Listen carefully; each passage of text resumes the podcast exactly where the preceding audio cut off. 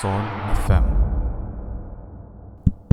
Taigi, sveiki, sveiki, labas vakaras, mėlyjei Sol FM klausytojai. Ir pagaliau, pagaliau atėjo šeštadienis, pagaliau atėjo šeštadienio 9 val. vakaro ir galiu pagaliau jūs, na, patrukdyti ar pradžiugint, e, na, šiandienos programa, tai kaip visada, šiandienos samokslo teorijomis paremta uh, programa. Uh, kaip visada mes pramogaujam.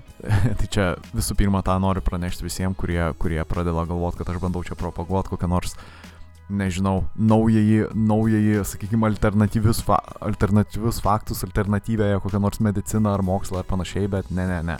Žmonės šeštadieniais Solefem pramogauja, tai čia yra pramoginė laida, mes tik pasidžiaugiam ir pasidomim įvairiausiamis temomis, o kaip jūs galvojate, aš dėja negaliu kontroliuoti, bet aš tiesiog noriu jūs sudominti kokią nors įdomią temą, sakykime, kokiam nors paslaptim ir panašiai, ir, na, iškelti įvairias, galbūt, sakykime, teorijas jūsų galvose, na, kiek nors sudominti. Vis tiek, vėlgi, kai kurie žmonės tikriausiai pastebi, kad mūsų pasaulis kartais gali būti ganėtinai neįdomus, galbūt, galbūt per daug monotoniškas, todėl kodėl nepasiklausus Solo FM karts nuo karto ir neišgirdus kokią vieną kitą įdomią istoriją, kad, nežinau, prieš miegą gal sunkiau užmigti pasi, pasidarytų, arba gal tiesiog paprasčiausiai, gal šiek tiek ir įdomiau gyventi, na, pasidarytų. Nežinau, iš, iš ties, nežinau, bet tiesiog mane šitos, šitos visos istorijos, šitie visi samokslai, tu prasme, realiai labai labai domina ir kaip žinia, mūsų, mūsų pati e, radio stotis apskritai yra paremta šiuo, šiuo dalyku, čia yra daugiau į mūsų tą tokią kaip ir filosofiją įėję, nes mes labai mėgstam Art Bell ir, ir tu prasme, kitose, kitose šalyse transliuojamas e, panašaus pobūdžio radio stotis. Tai čia, kaip žinia, Sol FM yra viena tokia pirmųjų radio stočių tokio pobūdžio radio stočių Lietuvoje. Tai mes tą bandom tęsti šitą tradiciją ir kaip visada bandom tęsti tradiciją su nauja samokslo teorija. Na, jinai nėra nauja, jinai yra ganėtinai sena, jau keletą dešimtmečių populiari, po, populiari tarp samokslininkų, bet uh, jinai nauja būtent šitoje radio stotyje. E, apie tai mes nieko nešnekėjom ir tikiuosi jūs tai sudomins. Mes šiandien kalbėsim būtent apie HARP e, vadinamąją e, programą tokią. Čia yra akronimas, aš vėliau jį pabandysiu išversti, bet iki to laiko, kaip visada, aš turiu atsakyti į vieną klausimą, vieną kitą klausimą. Tiksliau, turim vieną klausimą, gal greičiau net ne klausimą, o pareiškimą iš vieno iš klausytojų, vieno iš ištikimiausių klausytojų. Čia nais, vėlgi, čia, čia gan jokingas bus gal klausimėlis, bet čia greičiau pareiškimas, kaip žinia, radio stotis buvo sutrikus beveik visą valandą šią, šią savaitę, čia iš ties liūdna žinia, aš, aš atsiprašiau viešai visų, kad taip atsitiko, čia, čia toks dalykas atsitiko paprasčiausiai dėl to, kad buvo įvairūs techniniai darbai daromi ir kaip visada, aš kaip ir minėjau galbūt anksčiau, kad pati radio stoties technika yra ganėtinai ne visai įprastoj vietoj, mes gan unikaliai, sakyčiau, įsikūrę esam, mes esam pastatyti mes stovime e, Klaipėdos, e, Klaipėdos, viename iš Klaipėdos energijos e, bokštų, tiksliau net ne bokšto, kaminų. Tai nežinau, ar esat matėte, bet, bet tikriausiai jeigu esate Klaipėdos mieste šiuo metu, tai tikriausiai galite matyti bent vieną iš šių bokštų, tų gelžbetoninių kaminų, kurie būtent ir yra priklausantis Klaipėdos energijai. Tai iš, iš esmės mes dėkojam Klaipėdos energijai už šitą didelę galimybę mum, mum leisti pasinaudoti tam tikrą dalimi e, to, tų kaminų ir įstatyti savo, savo techniką, bet būtent dėl tų įstatymų susidūrėm su tam tikrom bedom ir vis susidūrėm ir čia yra, na, sunkiai sprendžiama problema. E, taigi, e, būtent tas klausytojas, na, informavo, aš bent jau dabar kaip skaitau, patį komentarą, tai nurodė, kad šis klausytojas, kad arba jūsų technika yra mėšlas, arba jūs pradėjote transliuoti nepasiruošę. Na, Uh, nežinau, čia vėlgi nėra klausimas, čia yra daugiau pareiškimas, kaip ir sakau, aš nežinau, kaip iš tiesų į tą atsakyti. Uh, mano nuomonė iš dalies gal ir teisingas pareiškimas, uh, bet nepasakyčiau, kad čia yra labai išvengiamas gal dalykas. Aš skaičiu čia tikriausiai su tokiu, jeigu, jeigu analogiška radio stotis atsirastų analogiškoje vietoje kaip pas mus, jeigu, sakykime, mes stovėtumėm, mes sakykime, sukurtų, sukurtų, kad ir kiti žmonės labiau gal pasiruošę, gal net žmonės, nežinau, e, radio stoti analogiškomis aplinkybėmis ir analogiškoje vietoje, sakykime, Klaipėdos energijos e, gelžbetoninėme e, kamine, sakykime, statytų visą, visą anteną ir, ir, ir įrangą ir panašiai. Tikriausiai pastebėtumėm, kad e, ta radio stotis susidurtų su tom pačiom problemom. Ir apskritai, e, čia net nepaisant lokacijos, e, jeigu pastebėsit, ir tikriausiai ir pats klausytojas pastebės, tai visos radio stotis susiduria su tais momentais, kuomet jos yra išjungiamos ir įjungiamos. Tiesiog dažniausiai tokie, tokie išjungimai, jie būna mikro išjungimai, jie, jie trunka kur kas trumpiau, nes vėlgi pati technika yra šiek tiek kitokia, galbūt, bet nebūtinai geresnė ar blogesnė, aš, aš to nebandysiu sakyti, vėlgi aš, aš nesu radio meistras, sakykime, radio inžinierius, bet uh, iš esmės technika nėra, nėra lygi technikai ir sakyti, kad jinai yra iškart mėšlas, yra netiesa. Jeigu jinai būtų mėšlas, tai tikriausiai radijas net neveiktų apskritai. Uh, bet kaip žinia, bent jau Solo FM transliuoja, vis dar transliuoja, bet uh, paprasčiausiai, kaip čia pasakius, uh, transliacija gali nutrūkti bet kada, jeigu kažkas tiesiog rozetę, sakykime, atjungs. Supranta, tai čia nereiškia, kad technika yra mėšlas arba kad kažkas nepasiruošė. Tai tiesiog reiškia, kad įvyko laido nutraukimas. Paprasčiausias nutraukimas laido. Tai Taip, iš ties atrodo jokinga, bet radio stoti ir jos, tu prasme, transliaciją galima sugadinti su tokiais, atrodo, labai paprastais veiksniais. Ir, na, vienas iš tokių veiksnių tikriausiai atsitiko šią savaitę ir, ir tikrai apgailestavom, kad taip gavosi, kad na, radijas netransliavo. E, matosi, šis būtent veikėjas, šis mūsų ištikimasis klausytojas mums e, tiesiog pareiškia, kad mūsų radijas yra mėšlas. na, ne visai radijas, bet mūsų technika ir mūsų pats pasiruošimas. Arba mūsų pasiruošimas. Na, mūsų nuomonė gal, nežinau, nežinau kaip jums atrodo, galite irgi pateikti nuomonę. Ar jūs manot, kad mes esam, na, prastos technikos turėtojai ir prasto, prasto pasiruošimo esame? Na, aš nežinau. Aš, aš galiu paprieštaraut, aš galiu ir pritart. Iš vienos pusės taip galiu pritart tom, kad pasiruošti, e, na, pasiruošti transliuoti radiją nėra lengva, kadangi mes tos patirties, kaip žinia, mes visiškai jos neturim e, neturėjom tiksliau, tai pasiruošti buvo sunku, kai nežinai, kam pasiruošti. E, žinai, čia kaip pavyzdys, jeigu, na, nežinau, pasiruošti kokiai nors, pasiruošti kokiai nors mišriųjų kovos menų kovai, kai tu ne, nemoki nieko padaryti, sakykime, dar nemoki net muštis ir tu gauni kokį 2-3 mėnesius pasiruošti. E, tikriausiai nelaimėtum prieš čempioną, bet pakovot gal ir galėtum kažkiek. Bet pasirodytum tikriausiai ne geriausiai, galbūt. Bet, e, matot, čia bandau tokį galbūt nevykusi pavyzdį padaryti. E, tuo pat metu, tuo pat metu, sakykime, jeigu mes kalbam, jeigu mes kalbam vietoj to pasiruošimo, tai jeigu mes kalbam apie uh, apie konkrečią techniką, tai technika gali būti vienoda, bet kaip ir minėjau, jeigu technika paprasčiausiai atjungia, kas nors tiesiog ištraukia rozetę, tai čia yra ne technikos klaida, čia būna tokia paprasta žmogiška galbūt klaida, kuri gali pasikartot ir jos kartais, na, tokios klaidos gali būti ir ne, ne mano rankose, sakykime, nelabai ne aš jas galiu pakeisti. Vėlgi, gan keistai galbūt tai skamba, gal net jokingai, iš ties, iš ties jokinga kartais kalbėti apie tai, bet, na, tai daugiau skamba dabar kaip kokie nors pasiteisinimai, bet uh, gal net nebandysiu taip paprastai teisintis, pasakysiu, kad taip, aš, aš, aš galiu ir paprieštarauti ir galiu pritart, kad uh, taip, iš esmės pritariu, kad mes nesam pasiruošę taip gerai, kaip, sakykime, senbuviai radijos stočių, nes mes transliuojam pirmą kartą, mes pradėjome visiškai šviežiai ir taip mes neturim tokio biudžeto, kaip, sakykime, kitos radijos stotis, kurios gali, na, investuoti į milžiniškus biurus, sakykime, ir milžiniškas studijas ir panašiai. Tačiau Tačiau tuo pat metu mes galim pasakyti, kad na, mūsų technika yra pakankamai gera, kad mes galėtumėm pradėti, mūsų signalas, sakykime, pakankamai galingas ir, ir na, kokybiškas, nors ir, nors ir ribotoje teritorijoje yra transliuojama, tačiau e, mums pavyko, mums pavyko pradėti veiklą.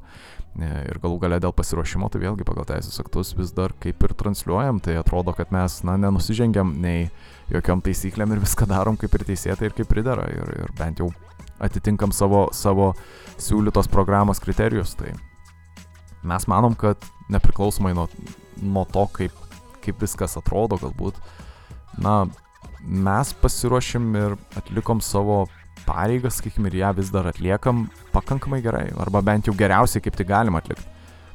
žinau, kad tai jokingai ir galbūt net apgailėtinai skamba, bet na, net nežinau, kaip kitaip atsakyti į šitą klausimą ar greičiau pareiškimą. Uh, ne, nepykit, žinau, ne, ne, nepykit, kad atsijungiam valandai, beveik valandai.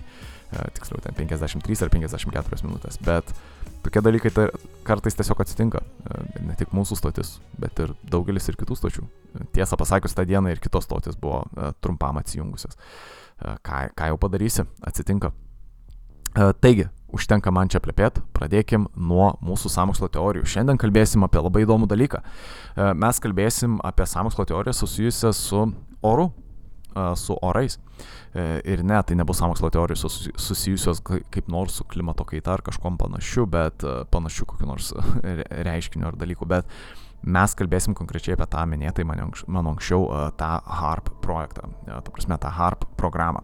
Ką aš turiu omeny, tai gal pradėkim nuo pat pradžių, kaip visada iškelkim klausimą, ta prasme, žmonės, kaip jūs, kaip jūs manot, kaip kokia šalis galėtų iškart laimėti kokį nors karinį konfliktą?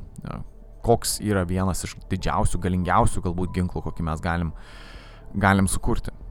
iš vienos pusės, aišku, visi sakysite, na, atominiai ginklai. Prasme, visos, visos didžiosios, didžiosios, sakykime, šalis, tos didžiausios karinė technika labiausiai pasižyminčios šalis, jos turi kokį nors atominį ginklą, jos yra atominės valstybės, jos taip vadinamos ir jos, žinoma, turi atominius ginklus, tos masinės, masinio, masinės, masinius naikinimo įrankius, sakykime, ir panašiai.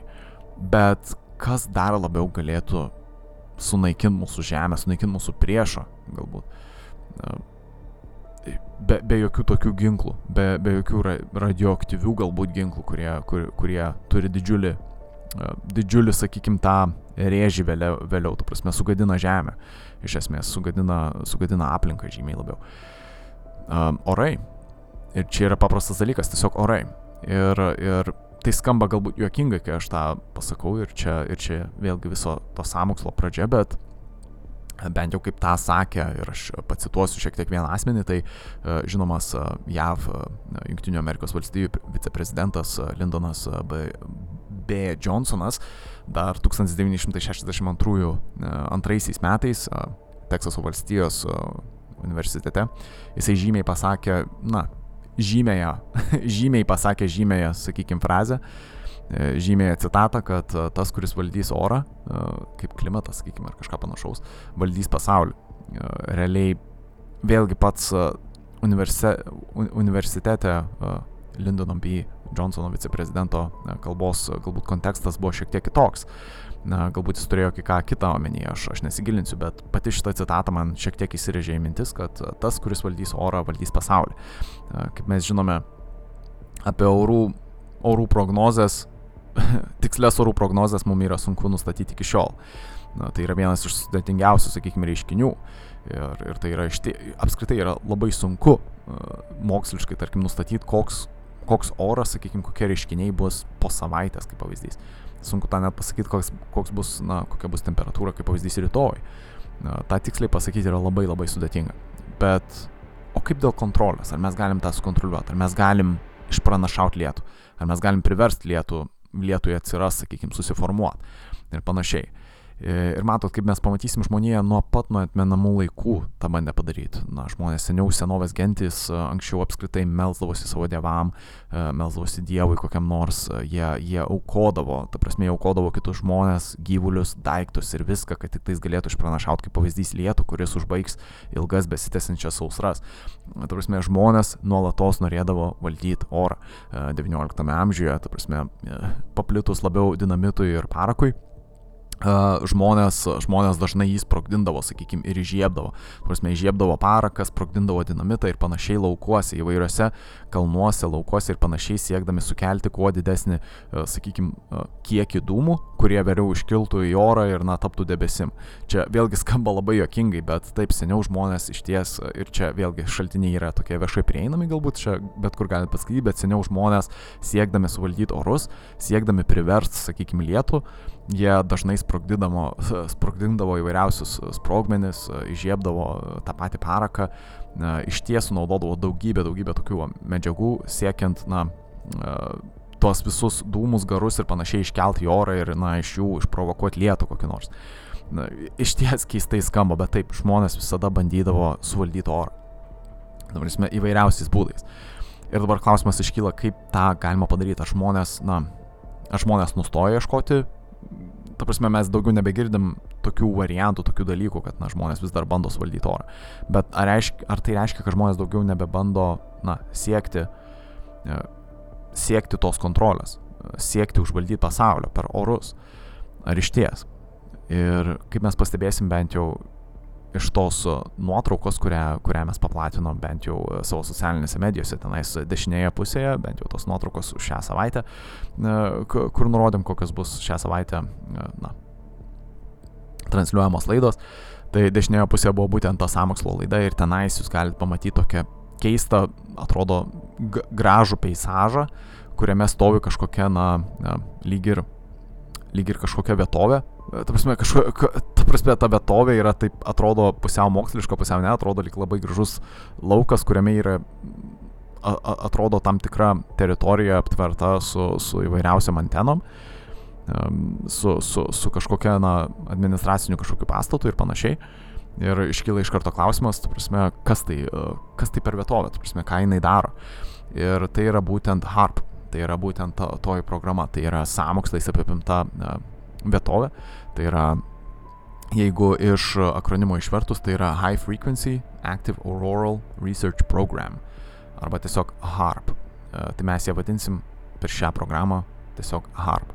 E, tai HARP yra programa, na, pradėta dar 1993 metais, jinai yra skirta tirti e, konkrečiai ionosferą. E, joje ta, tai, ką jūs matote toje bent jau nuotraukoje, dėja aš negaliu per radiją jums parodyti tos nuotraukos, bet vėlgi, tai, ką jūs matot toje nuotraukoje, jeigu jūs atsiversit mūsų socialinės medijos, sakykime, tą paviešintą nuotrauką, tai ten matosi tokia teritorija, kurioje stovi didelės galios radijos sustuvai, labai didelės galios radijos siustuvai. E, patys siustuvai veikia na, aukštojo dažnio juostoje. Tai kaip žinia, aukštojo dažnio juosta jinai na, prasideda kažkur nuo 3 MHz, jinai užsibaigia berots e, prieš, prieš 30 MHz, e, kaip žinia, kaip pavyzdys SolFM, SolFM yra transliuojama 93,3 MHz, MHz dažniu, kas reiškia, kad mes esam labai aukštame ruože, arba, arba dar kitaip, labai aukštojo dažnio juostoje, antroje, antrojoje labai aukštojo dažnio juostoje. Net nemoku kitaip aiškinti. Čia nais vėlgi, čia tokia daugiau radio inžinierija, daugiau reikia mokslo ir išsilavinimo, aš nesu, nesu sakykime, labai gabus šitame dalyke, bet kiek aš žinau, tai bent jau SolFM e, veikia labai aukšto dažnio juostoje ir dar kitaip vadinamoje antrojoje juostoje šio labai aukšto dažnio. Tai nepamirškit, 93,3 MHz. E, tuo tarpu būtent HARP harp veikia nelabai aukšto dažnio juostoje, bet aukštojo dažnio juostoje, e, šiek tiek žemesniais megahertzais. Tai tarp, tarp uh, berots 2,8 ir tarp iki 10 MHz, sakykime, dažniu. HARP iš esmės ką daro, tai uh, ji tyria ionosferą ir ką jinai daro, tai jinai išsiunčia signalą, kurio gale siekia, siekia 3,6 MW. Na, iššauna, sakykime, tą signalą į ionosferą ir tyria, na, šiek tiek sudirgina, sakykime, tą ionosferą, taip vadinamą, net nežinau kaip taip tą kitaip pareikšti, bet sudirgina tą ionosferą ir stebi reiškinius, tai įvairių, na, sakykime, meteorų judėjimus, kartais net bando nuspėti, sakykime, tokius dalykus kaip žemės drebėjimai ir panašiai. Na, čia yra iš ties, atrodo kaip mokslinė fantastika, bet tas yra tyrima iki šiol ir tas yra daroma iki šiol.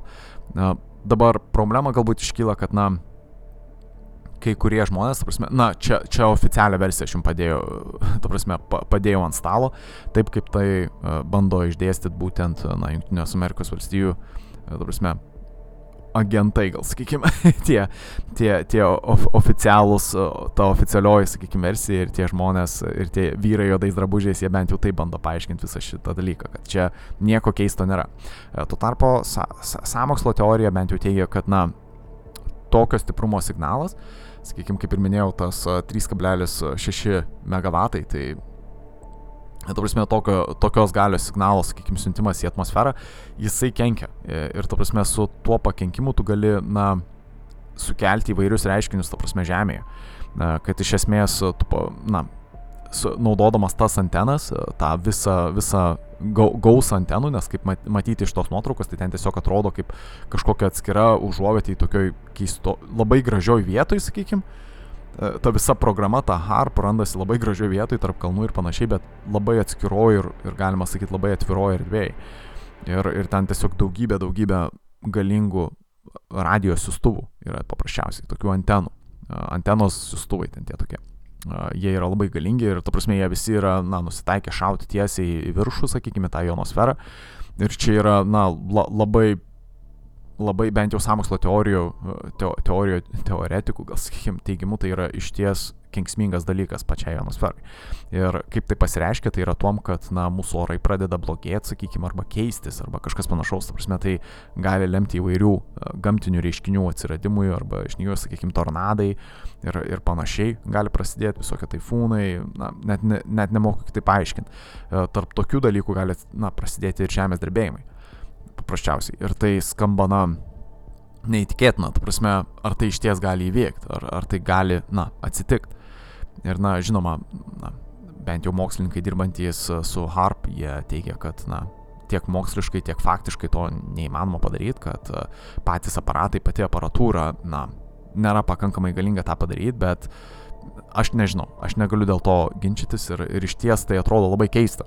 Ta prasme, ar, ar iš ties, ar iš ties šiuo atveju na, ar iš ties šiuo atveju nėra jokios samokslo teorijos.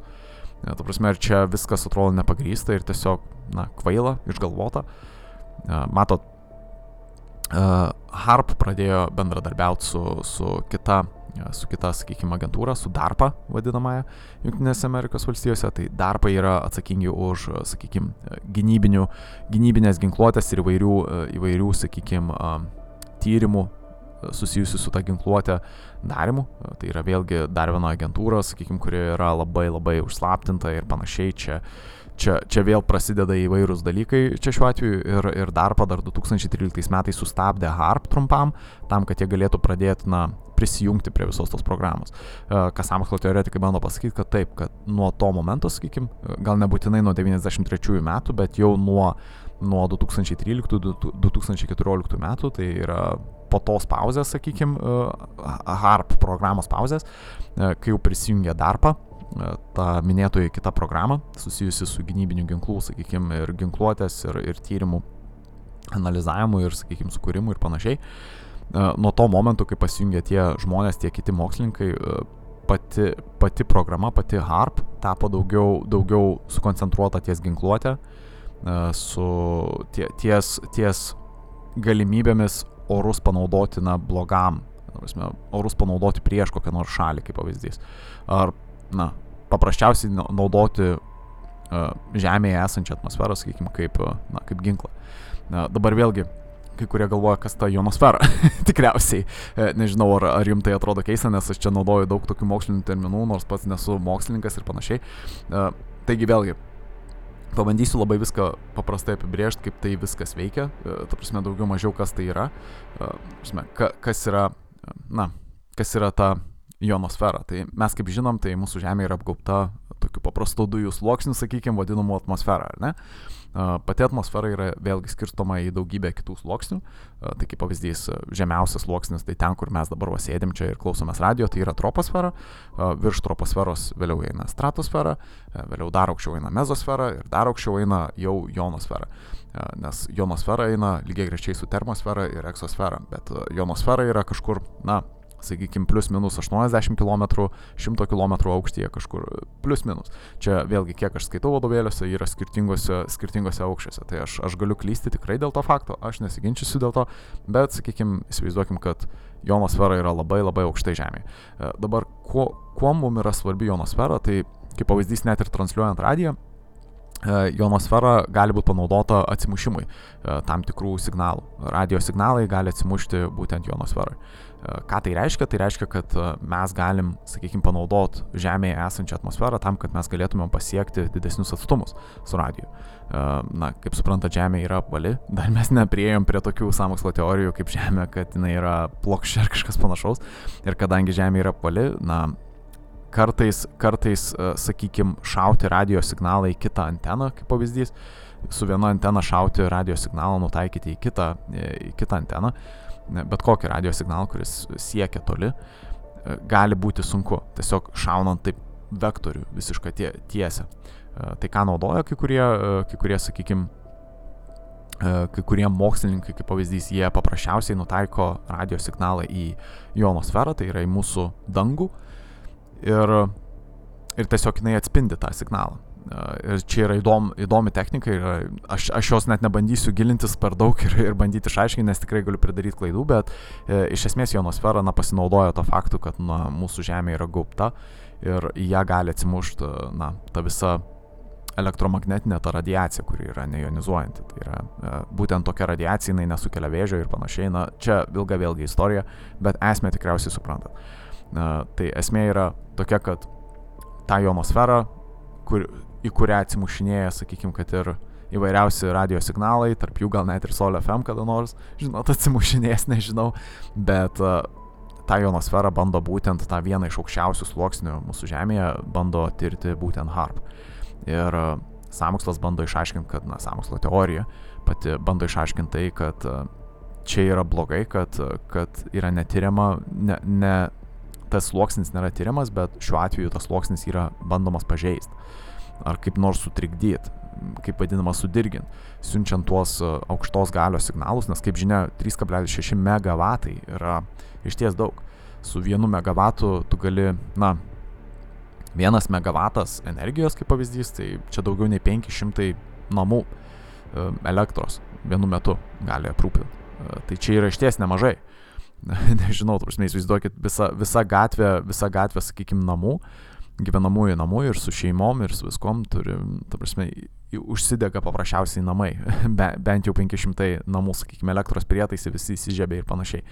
Ir, ir tiek energijos, galima sakyti, čia būtų vienas megavatas. Tai vienas megavatas ir bent 500 kažkur, jei nedaugiau, tokių paprastų ūkinių namų, pilnai, pilnai įsižibenčių ir panašiai. O čia mes kalbam apie 3,6 megavatus. Šties daug energijos, tu prasme, šaunama į, į atmosferą ir, ir tai yra naudojama tam, kad sudirgintų, kaip sakiau, ūkiškai tariant, šiek tiek sudirgintų tą atmosferą ir kad būtų galima atlikti kokius nors tyrimus. Vėlgi, galbūt čia mesiu tokį akmenuką iš anksto šiek tiek į samokslo pačią teoriją, bet vėlgi tas sudirginimas vyksta labai trumpam. Ir kaip, kaip matyti, na, jeigu tai iš ties turėtų kokios nors įtakos mūsų orams, tai tikėtina, kad mes kiekvieną dieną turėtumėm kažkokius kataklizmus, bet mes to neturim. Bet čia vėlgi keistas galbūt sutapimas, nežinau. Galbūt vis dėlto yra, yra, yra teorizuojama, kad galbūt tie 3,6 MW yra melagystė. Ir kad vis dėlto yra šaunama tam tikrais, na, tam tikrais momentais dar didesnės, di, didesnės galios, sakykime, signalai į atmosferą ir tokie signalai, na, ją taip apgadina, sakykime, tą atmosferą, kad laikinai bent jau apgadina, e, kad tokie apgadinimai sukelia didžiulius taifūnus, uraganus, e, kaip pavyzdys sausras kai kuriuose vietose, kitose vietose didžiulius taifūnus, sakykime, ir panašiai, audras, sniego audras ir, ir, ir, ir blogiausių atveju, apskritai blogiausių atveju, tai sukelia ir žemės drebėjimus. Ir dabar turėsiu trumpam sustot ir jūs palikti 20 minučių apgalvot viską, viską suvirškint, galbūt pasijuokt, galbūt surimtėjat ir susidomėti šitą temą, būtent apie harp. Bet uh, kaip pamatysime, mes pabandysim pakalbėti apie du įdomius galbūt įvykius susijusius su žemės drebėjimais ir kitais labiau gal paranormaliais net įvykiais, kurie, kurie galbūt gali būti pririšti prie HARP arba to, to ką HARP gal, galimai gali siekti pagal samokslo visą tą teoriją. Tai yra būtent tos oro manipulacijos, klimato manipulacijos ir kažkas panašaus. E, ir taip, apžvelgsime porą įdomių įvykių istorijoje ir prie to paties dar pasikalbėsime apie dabartinius, e, dabartinius oficialius, oficialiai vykdomus, e, oficialiai vykdomas apskritai programas, kurio, kuriomis yra siekiama na, pakeisti orus. Paprasčiausiai. Galėsim tą panagrinėti visi kartu. Iki to laiko, iki to laiko tikiuosi, kad pasiliksit su mumis, pasiklausykit toliau naujojo, naujojo mūsų grojaraščio, kaip žinia, nes nuo, nuo gruodžio pirmos dienos, jau nuo vakar mes jau transliuojam e, kai ką naujo. O iki to laiko, na, kaip visada, la, lauksiu jūsų sugrįžtant, tai kaip ir minėjau, plus minus 20 minučių ir grįšim. Iki iki.